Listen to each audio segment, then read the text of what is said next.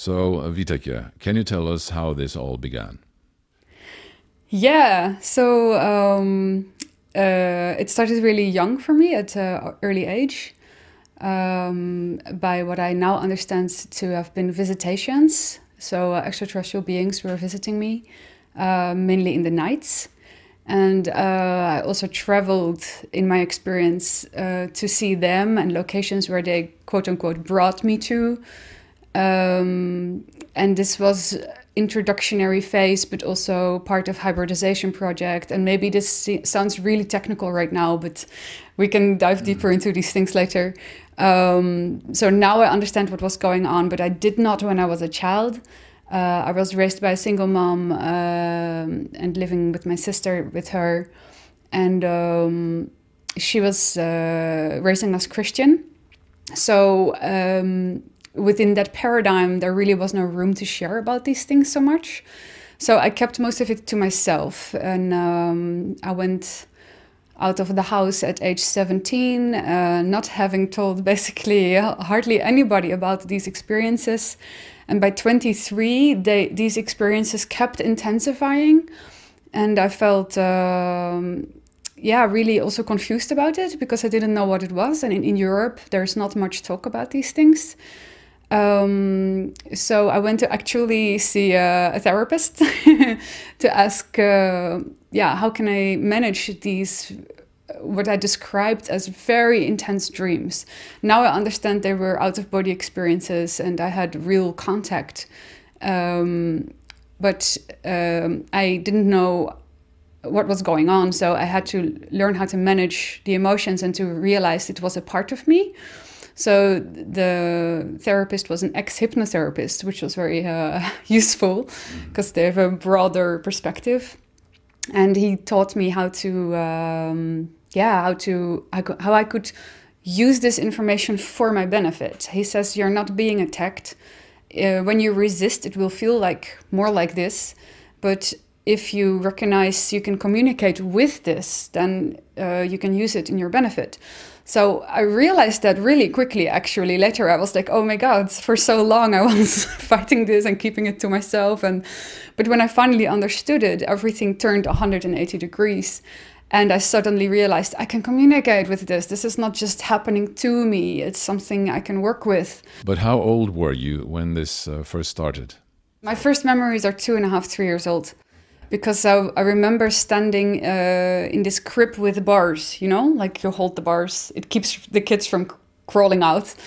Uh, standing, holding the bars, eyes wide open, completely awake, seeing the beings come through the wall, uh, come closer to me. Mm -hmm um, and there were a lot of blackouts, I must say, because I was so young and uh, certain things I couldn't uh, process yet.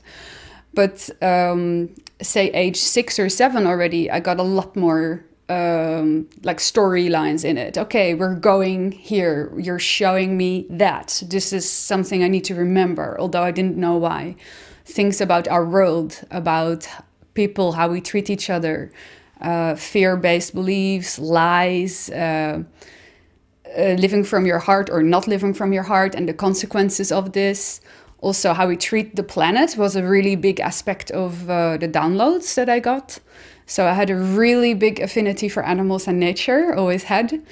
Um, and I was the first in my family who, wanted to be vegetarian. Like, I, uh, at age 12, I felt strong a person enough to say, okay, I stop eating meat and I became the first vegetarian. Um, uh, having to really convince also two households, my father and my mother were separate, uh, that I didn't want to do that anymore. But it was clearly results from these experiences for me uh, and the conclusions I drew out of that. Simply feeling this resonates with me, this doesn't, I felt like nudged, even though I couldn't understand why. I couldn't see the bigger picture but the conviction was really strong. Also, when I was in school, in elementary school already, certain things that the teacher taught us about history and um, economy and I was so dazzled by it. It was so different from what the ETs showed me. And I just felt in my heart the, the huge distance between the two points of view. And I realized it doesn't make sense. But you can't say that, or at least you're taught to believe you can't stand up to your teacher and say you're wrong. But I did feel that very often in the teachings that um, no, it's not at all like this. And I couldn't understand why I was so strongly convinced of it. I knew I got it from elsewhere, information from elsewhere. But only later down the road, I saw how much impact it actually had on my life to continue to choose uh, a path from the heart. So when I understood how to work more with the dreams, it was around age 23. And um, only a few months after stopping seeing this therapist for a few sessions and uh, realigning my communication with the beings for the first time, then I saw a UFO cl- close encounter um, with a friend, so I had a witness. and um, that was pretty amazing. It was like a low, low flying over big triangular object with uh, lights on the corners. And um, we both had no idea what we saw, but from then on, um, uh, my dreams were flooded with ETs really being, you could say, in my face, going like, hey, and peace signs and uh, joking around. And I started to realize there is something really big shifted. And because they knew I had overcome my fear for the interaction, they would bring it to a next level. And this is why they brought in, you could say, the UFO in that moment. And, um, but can you tell me a little bit more about these? Um entities that you uh, had contact with. Um, first of all, uh, were you the only one in the family having these contacts? And could you also tell me a bit more what they looked like and uh, and and how they approached you? Yeah. Uh, so as far as I know, I am the only one who had conscious contact, but I know I'm not the actual only one. I know more family members were involved. They just don't didn't choose to remember. This is how my guides explain it to me because I did ask why am I the only one? And they also told me it's part of my um, higher self agreement to be the only one and to be born in a family that had, uh, in a sense, actually resistance against this idea, because I had to overcome resistance in myself to honor the open agreement I had with them to share this later down the line with the world.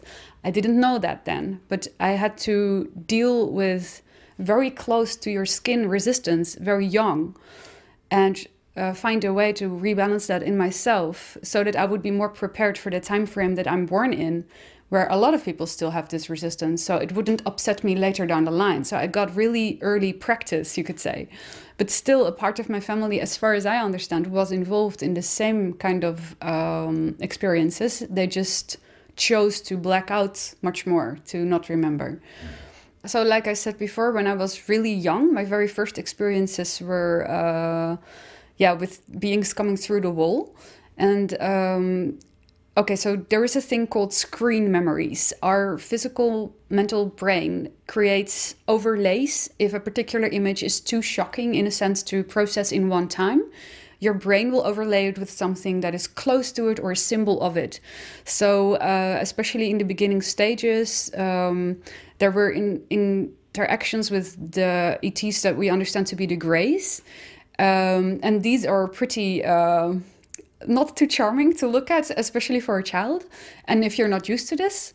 Um, and so uh, I saw a mixture of machine people. So a part of them was mechanic, uh, which is crazy because I really didn't understand what I was looking at a mix of, of almost now I would know a word for this cyborg kind of like with machines in the body and half humanoid coming through the walls, and this was freaking me out already. Uh, and later, uh, they found different ways to communicate with me, and also realizing, okay, you're a child, you like animals. So they came very often as animals. And that was a new phase. Uh, I was a little bit older.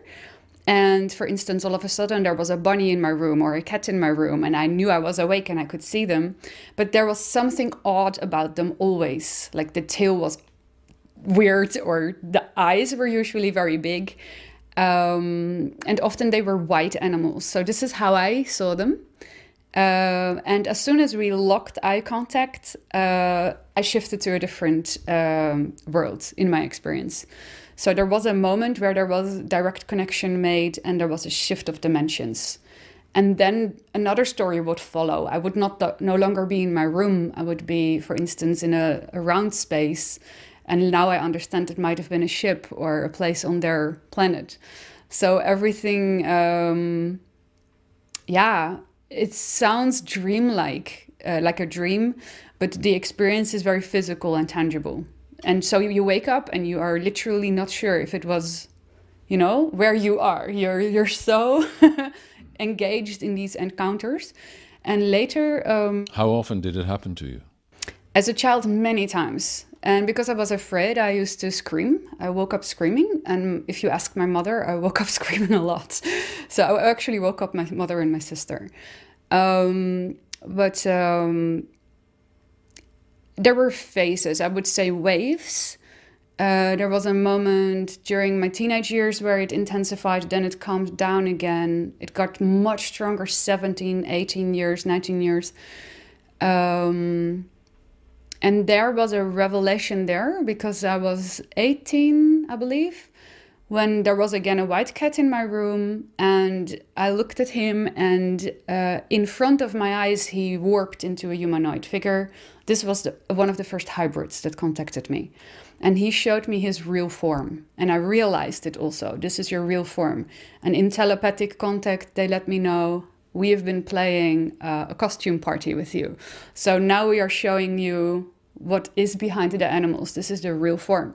And I, I got that. I was really impressed with that as well. And the hybrids, I can, uh, I could handle this image. You know, it wasn't like the grays, not such a big uh, difference from us. Um, and now I'm more used to that as well. But yeah, it, they took it step by step. Mm. Yeah. Uh, did they explain to you why you were chosen to have this experience? Um, so, like I said a little earlier, it's an higher self agreement. Uh, but like most people, I was not aware of this. So, but then there is also a part where they're not allowed to explain the whole story because it would take away your process of discovery. So, if you choose on a higher soul level to step into um, this kind of um, garden that has all the high hedges, but you can't look over it and it looks really complicated, a labyrinth. I was looking for the word. If you choose to step into labyrinth because you know every time you turn a corner you're gonna find a gift, they're not allowed to explain the whole thing to you. So I had to feel full fledged fear in certain circumstances. I understand that now. Uh, to overcome it for myself and then later see when you look back at the experience oh, wait a minute. If they would have revealed to me beforehand, oh, you're just going to discover this and then that and that will be easier, I would have probably not done it. I would have left it aside, kind of from laziness and comfort. So because it's our i think we're so raised to, to remain in the safety zones uh, there was an agreement to be pushed out of that and uh, we all manifest that in one way shape or form in our lives as i understand it now whether you have a challenging relationship with a friend or your job isn't what you want it to be or I have these multidimensional experiences, the fundamental lesson is the same. So I just chose a route um, that seems further away. But if people ask me now, I would say it's no different from your challenges in your life. And I learned the same kind of lessons. But did you know when you started your job that you would hate it? you see, so it's kind of like this. But hating a job can give you the courage to move away from it. So for me, it was to find within myself that whatever I disliked about this, I just didn't understand it yet in this case. And with understanding and empathy and compassion, you can embrace it and use it on your way later down the line. But after your first uh, uh, physical, or at least it looked like physical UFO experience, what happened after that? So when I had the actual encounter, um, so I was with a friend, uh, like I said, uh, low flying over big object. Yeah, that was amazing. um, I've had many more sightings after that, but not like this. This was really close. It was a wake up call. I understand that now. So my dreams intensified and started to point more directly at the idea of ETs. Um, then I started for the first time also looking on the internet about this subject. But in that time frame, there wasn't so much to be found about it, and it was very fear based. So as soon as I started reading about abduction stories, and this was the first time I read that word, I didn't even know there was a word for it. I got really scared because I recognized so many things, and I thought, oh, I don't, I just don't want to be a part of this. So I denied these similarities and I stopped looking at it. But it left me with a very strong um, um, yearning uh, to go do self development work, meditation, or something like this. So uh, I had chosen eventually to do art school because in art I could express more of my experiences than in words at that time. Um, and after art school, I immediately, literally the day after my uh, graduation, I took a flight to Asia and I went to a monastery in Thailand and I started doing meditation techniques and things like this. Uh, and it felt really good. Every time I started to prepare for a meditation, I got these goosebumps all over, and I just felt a confirmation that I couldn't explain. So I kept down that path, um, and eventually on that route of exploration, the idea or the concept of channeling was brought to me. Like other people introduced to me uh, by borrowing me a book or something, that that even existed. And then I started to realize wow, there are people in this world that choose to share the information that I already know I've been receiving for so long. And I didn't know you could do that. I just thought I had something loose, you know? and I was really moved, emotionally moved, and also very inspired by other channelers. And I felt so um, in awe with their path and their courage, most of all. And still, it didn't dawn on me that I could do a similar thing. Not at all. It still took years before that happened. Um, but uh, eventually, uh, I realized there is open contact, and my guides literally spelled it out for me. They say, You can do this for others if you want. You're ready now. But it was an open invitation. And um, so, did you feel that this was a, a, part of the plan all the time that you were going to reach this stage of, of, of, becoming a medium? I literally didn't get it until they spelled it out to me. Okay. Yeah. So, I, um, even when I was already listening to other channelers, uh, and when they told me you could do this, my first mental resistance was, why? Because other people are already doing it. Why would I do it too? Because there are already like high quality channels out there um, but then they, in a second, downloaded to me every voice is unique and you would have a different bandwidth and there is a generation shift going on and the language is continuously needs to be fine tuned and you have practiced for so long and we know that if you step into this journey full heartedly and without expectations that the impact of it, you know, it, it can be a shift that we know you desire on a higher level. You have signed up, in a sense, for the possibility of this. And I just felt all of this information. The words don't even cover it. I felt it rush through my body, that knowingness. And I felt their excitement, and, and it sparked a huge excitement in myself.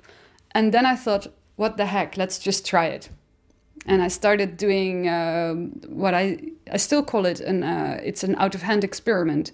I started doing test sessions, facilitating channeling for other people, and really listening in. See, you know, if this isn't gonna blow me off my feet, I'm not gonna do it. I was like this. But the information that came through was so personal and direct and uh, to the point I couldn't deny it. And then I thought, okay, well, if this is truly assisting other people uh, and it gives me so so much joy to be in this state also, then I will continue this for as long as it feels that way. But the entities that uh, you are now channeling. Yeah, so my personal most close guide is uh, Arjun. Um, they don't actually have names in their society, but Arjun is uh, like a working name or a working title because they understand we use names so that we can refer to him somehow. Um, he is a, a, male member of a hybrid race. So, hybrid means partially human DNA as we understand it today, and um, uh, the simplest way to say it, human DNA from a version of us in the future. And we understand the gray ETs to be extraterrestrials, but in fact, they are human beings from a parallel Earth from the future. This is what grays are. So the grays at some point developed into a direction in their society where they could no longer they could no longer produce uh, create themselves. Physiology had come to a stop because they damaged the planet to such a degree. There was no lively environment anymore. And then nature itself says your species came to a dead end. So they started to realize that quite late in the process because too late to save their own species. But then they realized the only way out to to preserve our being and to assist um, past linear timelines of humanity from going into the same direction we went would be to travel back into time, visit that version of Earth, and begin to hybridize our species with their DNA so that a new type of human could, you know, develop with a much stronger heart consciousness. So their um, dead end is the result of um, separating the mind from the heart and denying the heart, denying the emotions, completely suppressing that, and living fully on mental control. And this is why my screen memory of the Greys when I was a child looked machinery like, because it was really that energy frequency of almost robot beings that have forgotten how to feel. Um, so they understood they had to cross, in a sense, um, genetic features with people who have a very strong empathic um, how do you say nature. So uh, people were selected on versions of earth. Like a lot of timelines are crossing here together and some of the grays made it to do this project and some didn't.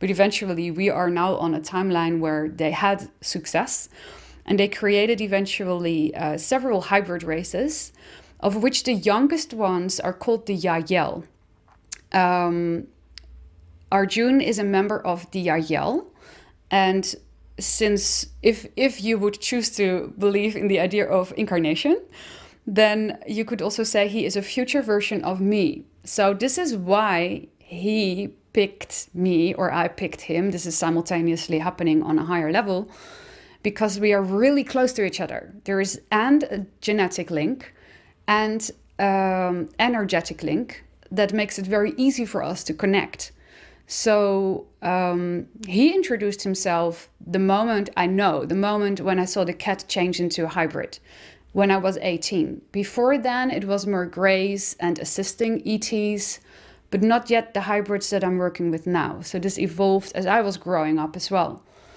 Um, yeah. The uh, idea that uh, they come from the future. Mm -hmm uh, seems to us uh, absolutely illogical, impossible. Yes. Uh, and uh, uh, so, can you uh, explain how this can function? Because if it's so that it's possible to come from the future and go back and adjust things, then I mean, in our way of seeing it, then everything actually can be changed. Yes. every every type of development can be rearranged, and so that seems quite confusing to us. Yeah. So how can we understand that? The confusing part in that way of looking at things uh, linearly is to think there is only one timeline. But there are an infinite amount of timelines. So literally when you travel back in the past, you don't alter the timeline that has already unfolded. So their path was going to go be a dead end. Anyway, that path didn't change. They went to a parallel timeline where everything was still open. It could go wrong, quote unquote, or it could go nicer. So they just offered a more preferred frequency to one of the parallel timelines. So to bring it to our own lives, say for example you could time travel with intent back to when you were 6 just before you had a car accident and tell your six year old self, don't go there because you will have an accident. And then they don't go there. But the six year old that had the car accident still exists and had the accident. It's just a different parallel dimension. So, as they explain it to me, all possibilities and probabilities coexist. So, if you travel through time the reason that you can do that to begin with is because everything is here and now within God or source or all that is. Everything already exists right here, right now. Your experience of it is determined by your focus. So you can focus on a happy memory or a sad one, and determining or depending on your focus, you can say, I had a good childhood or a bad one. But you decide. So it is with intention that they planted themselves in a different time frame and started adding a new energy frequency. But actions were involved. We are in a physical reality.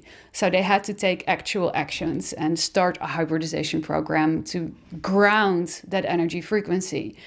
But since to just drop a hybrid race on a planet that doesn't even know that hybrids are created is very blunt. You can't do that. It would result in chaos.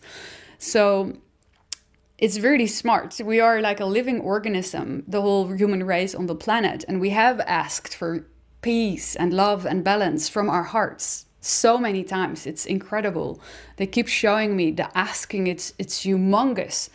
And they say wherever there is asking, there is an answer given. So we have manifested this entire storyline of the Greys traveling back in time, oh, starting this uh, program, and bringing us this one particular solution out of many as a part of answering ourselves. So, from a bigger perspective, we are creating this. And whoever is watching this right now has co created a version of Earth where apparently some people believe this is happening, and where maybe you may co create a future where we will have open contact with extraterrestrials at some point. But to just land is too blunt. So, what they do, what we do, um, so I'm one of the people apparently that had the open agreement to be a part of the preparation for landing, you could say.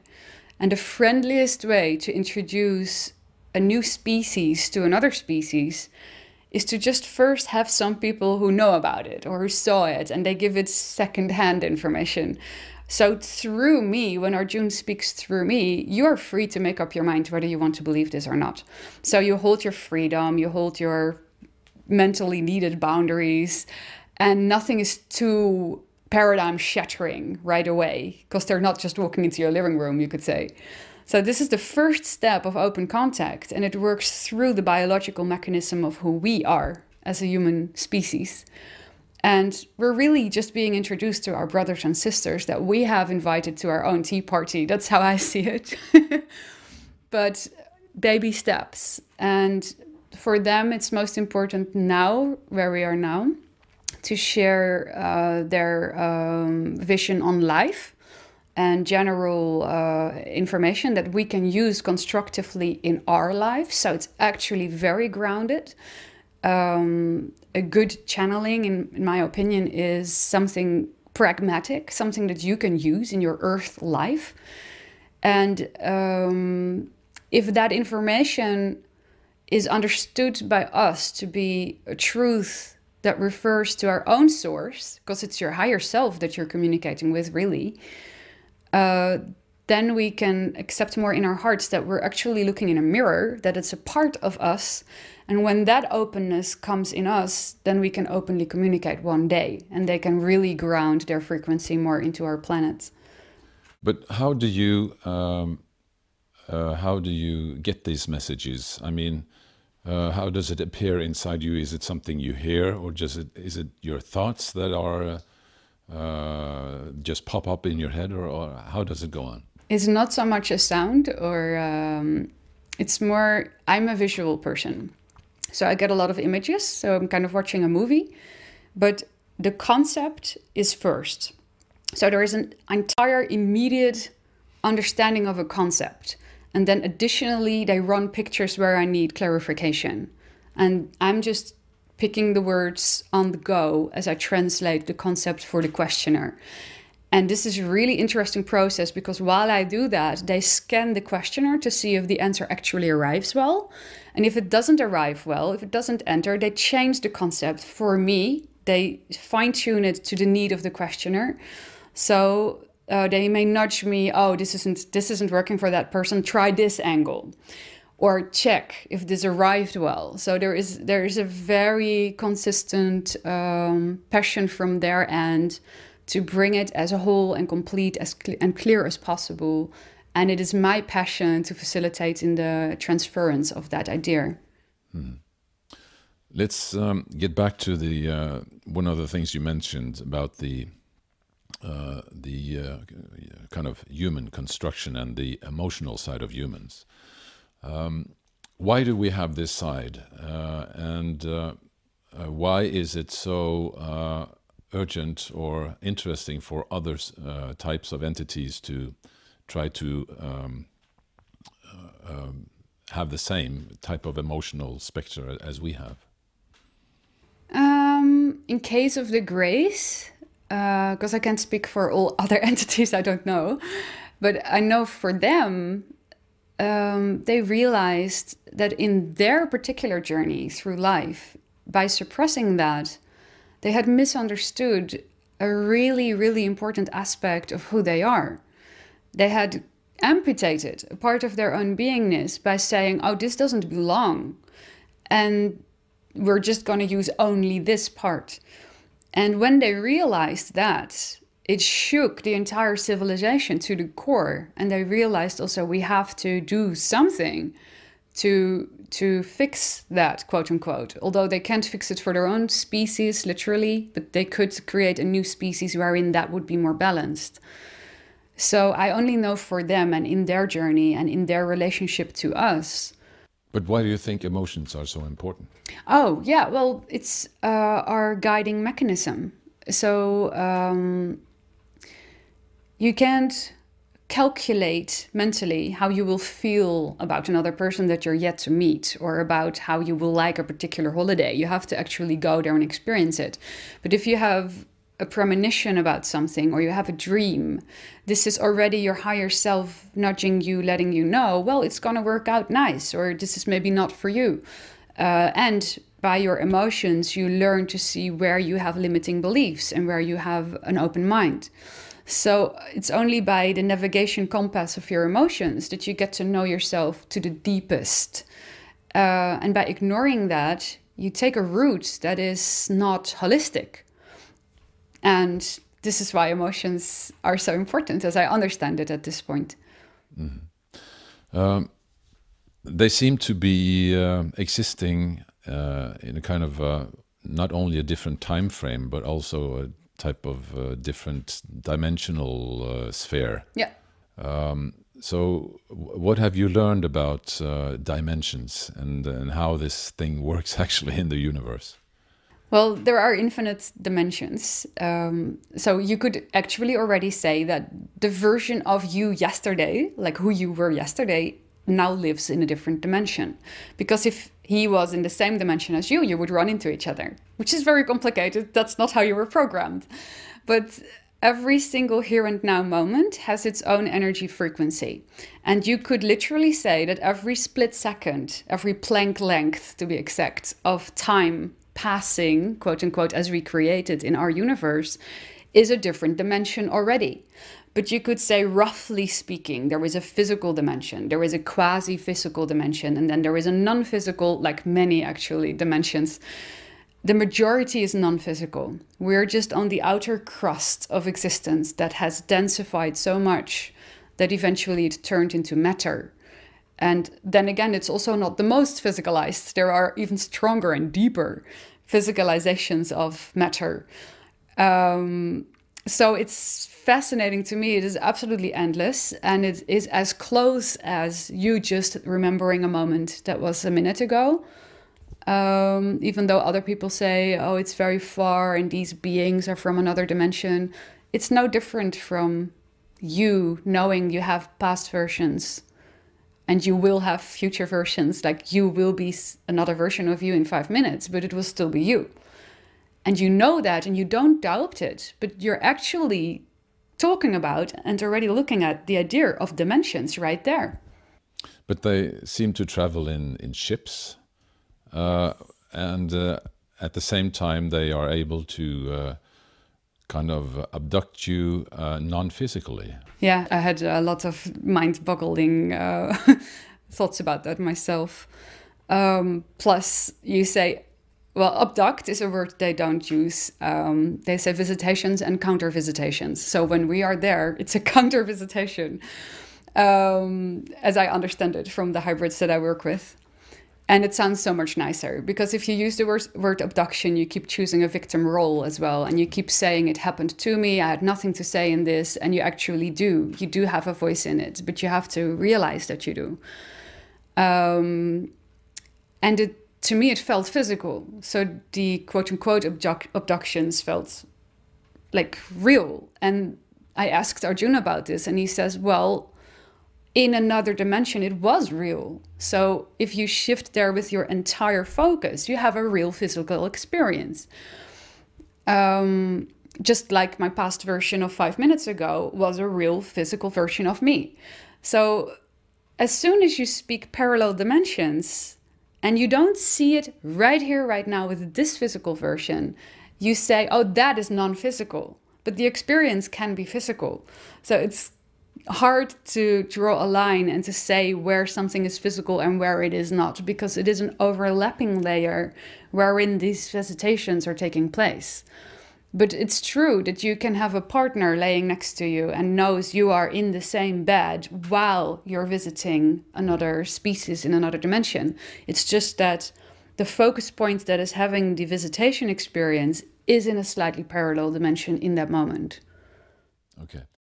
I also understand that it was more important to have this like blunt uh, seeing of objects and people even uh, in this 40s, 50s, 60s uh, time frame because it was an introduction and it had to be really obvious and really clear. And where we are now, um, it's more there's a selection going on at this moment. Our Earth is, as they explained it to me, uh, splitting in versions where open contact is more relevant and where it isn't. And so right now we are looking at the overlap also of a, of populations of humanity. And some people will be in the right energy frequency to perceive a craft and some won't. And you can literally be standing next to another person. You may see something in the sky and they may not be able to see it.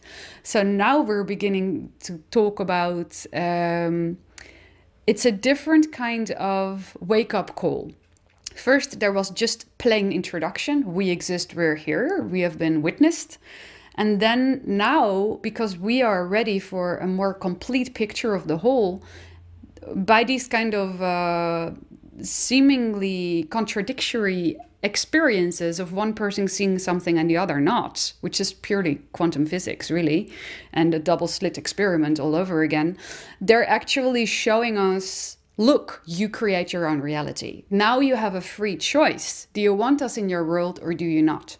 So it becomes more about this is a mirror. This is the advanced level of introduction. We're ready for more information. So we get a more specific, uh, specified way of um, witnessing. It's really interesting what's going on right now because it's much more multi layered.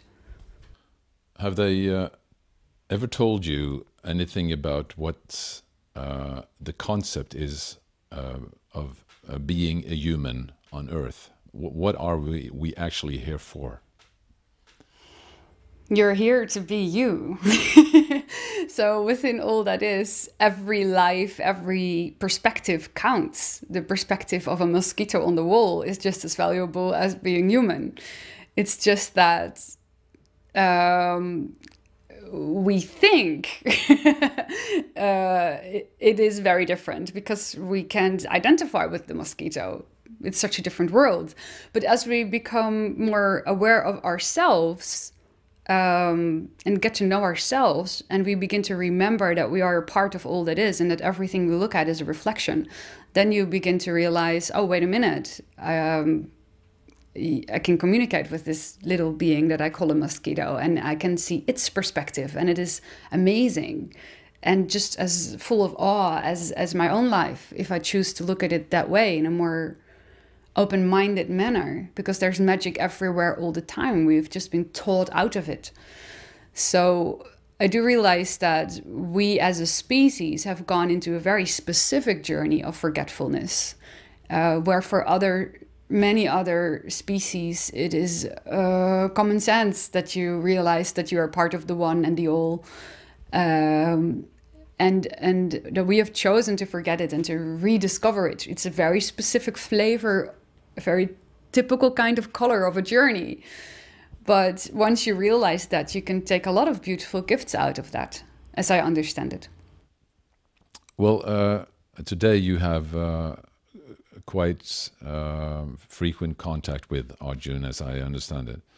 And uh, the messages that you bring, um, if you should summarize, what is actually their, their main message, or, or what do they want us to know? Uh, this is the one they can continue to repeat, and also other channelers of hybrid races the same the same bottom line to follow your excitement to the best of your ability as far as you can take it until you can take it no further with zero expectation as to what the outcome ought to be because your the energy frequency of excitement when you feel excited or curious or passionate about something that is your actual true nature. So that is your emotional compass at your perfect north, your natural north. And it shows you into the direction of your quote unquote divine self. So, whatever you will act on, empowered by this excitement, will bring you the next perfect puzzle piece to make the biggest leap of expansion possible for you in that moment. Now, you're always expanding, but we have free will. So we can choose to break that, to slow it down. so we, out of fear-based beliefs, we often pick a route that is less expensive. Although you're still eval- uh, evol- evolu- the evolution is continuing, you're still evolving, but um, you could say there is acceleration taking place when you come from a love-based um, source in yourself. So they are most excited about uh, helping us remember that we actually are pure unconditional love. And that if we all start to stand in our power and embody our passions from a pure place and without expectations, then they say our whole race will work in harmony and we will have what we always, what we constantly still ask for world peace and, and creativity and free energy. And it will all be there because we're already walking around with this we're just not accessing it completely because we don't believe we can. So there's a lot of fear still and limiting beliefs. Um, but why do do we have to go through all these uh, phases with all this suffering? Yeah yeah. So the shortest answer to that as i have come to understand is the joy of rediscovery is just so much greater when you have hidden your secret really well. So you have to forget who you really are to truly have a, an embodied experience of rediscovering who you really are. And that's why, yeah, we co create circumstances that can definitely be labeled as suffering because that's not who we are. And that is why we suffer. And that's again the emotional compass showing us this is not who you are it's not love, it's not excitement or joy. And it's purely functional in that sense. If you leave judgment out, it's purely functional. We use suffering and uh, resistance and friction as a tool to rediscover what we do want. Yeah. Even if it takes a thousand years. Yeah, but that's relative. It's relative to them, and eventually it's also relative to us because if you are really happy in that moment, there's nothing else. You don't even think about maybe suffering that you had uh, a few days before. It it will melt away. There is only here and now. So we're being invited to focus in who we really are, and then a thousand year is a blink of an eye, is what Arjun literally says. Where is this going to take us? Yeah that's that is definitely very exciting. I have no idea. I can only uh, in following my own heart sense that this should be really good. Without saying should it's gonna be something amazing. Uh, but again you can only walk this path without expectations. So it's every here and now when i feel my heart make a leap while I'm on this journey, I'm just deciding to trust that and to continue to walk in this direction. Now, of course, my mental mind can make all kinds of beautiful pictures of what that future world may look like. And I allow myself to daydream, but there's no way I can guarantee it or something. It's just, I can only see the proof of the results of their teachings in my own everyday life. And that alone is worth it for me to have this contact going on. I have one last question. Um, for you personally, I mean, this is um, has, as you said, been going on since you were like three, four years old. Uh, how does this affect your daily life, and and and how do you see it's going to uh, affect your future?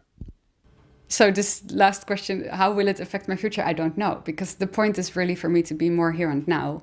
And so in my daily life, it helps me constantly to remember it is about being here and now. And whatever will be, will be. But being here and now means I'm living my life to the fullest. And that takes even the need for a future away. It's crazy. But if you're really here and now, you don't care what will happen next. It's not that you're being ignorant and that you don't take care of paying your rent next month, stuff like this. you're still living in this society. You have to be grounded. But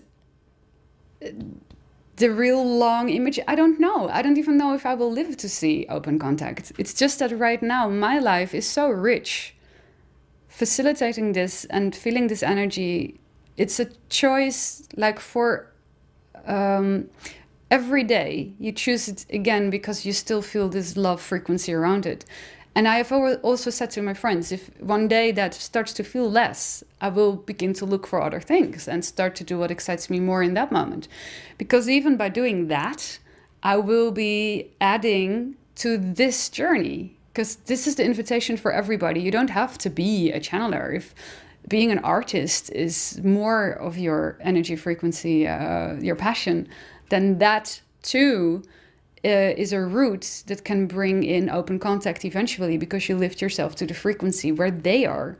So it's you will meet eventually. It's like bound to happen in a sense, but. Um, there's no one way to get to that. And their point is very much to stop thinking about figuring out ways because you can't figure it out. Your mind can't do that, it's not built to do that.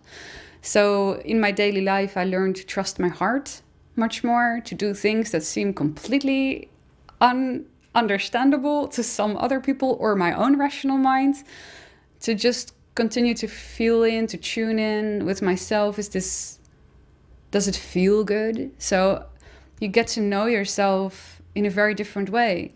And of course, it leaves me sometimes puzzled and thinking crazy thoughts like, yeah, since I've become more and more aware of multidimensionality, um, I often feel like I live in two worlds and they're really infiltrating each other. And I see things happen, and I know I just shifted a reality. And there's a lot of synchronicity in my life. And I speak to objects and things and situations around me. And I, if something drops as an unexpected moment, I'm like, hmm, what am I telling myself? So my whole relationship to my surroundings has become much more of a dance. And I think it has been in me since I had these experiences since quite young, so it's quite easy for me to step into this kind of perceiving the world. But it is still intensifying and it brings up new questions in me as well. I'm constantly learning. There's no final um, end station or something. I'm constantly also being given new things to explore deeper and about myself. Yeah, I like that. If you had the ability to go back to to uh, when you were three years old and uh, make a choice again uh, to uh, go, um, follow the path that you have been on or to uh, follow a path of a more kind of more normal person what would you have chosen? Now i would say i wouldn't change a thing. Everything that i ever criticized every human being that in my mental mind perhaps did something against my will or offended me, I invited them. I made it happen. I co created it, and it gave me an opportunity to learn a deeper aspect of myself. And for that, I'm grateful to them and myself. Yes. Thank you. Thank you. Okay.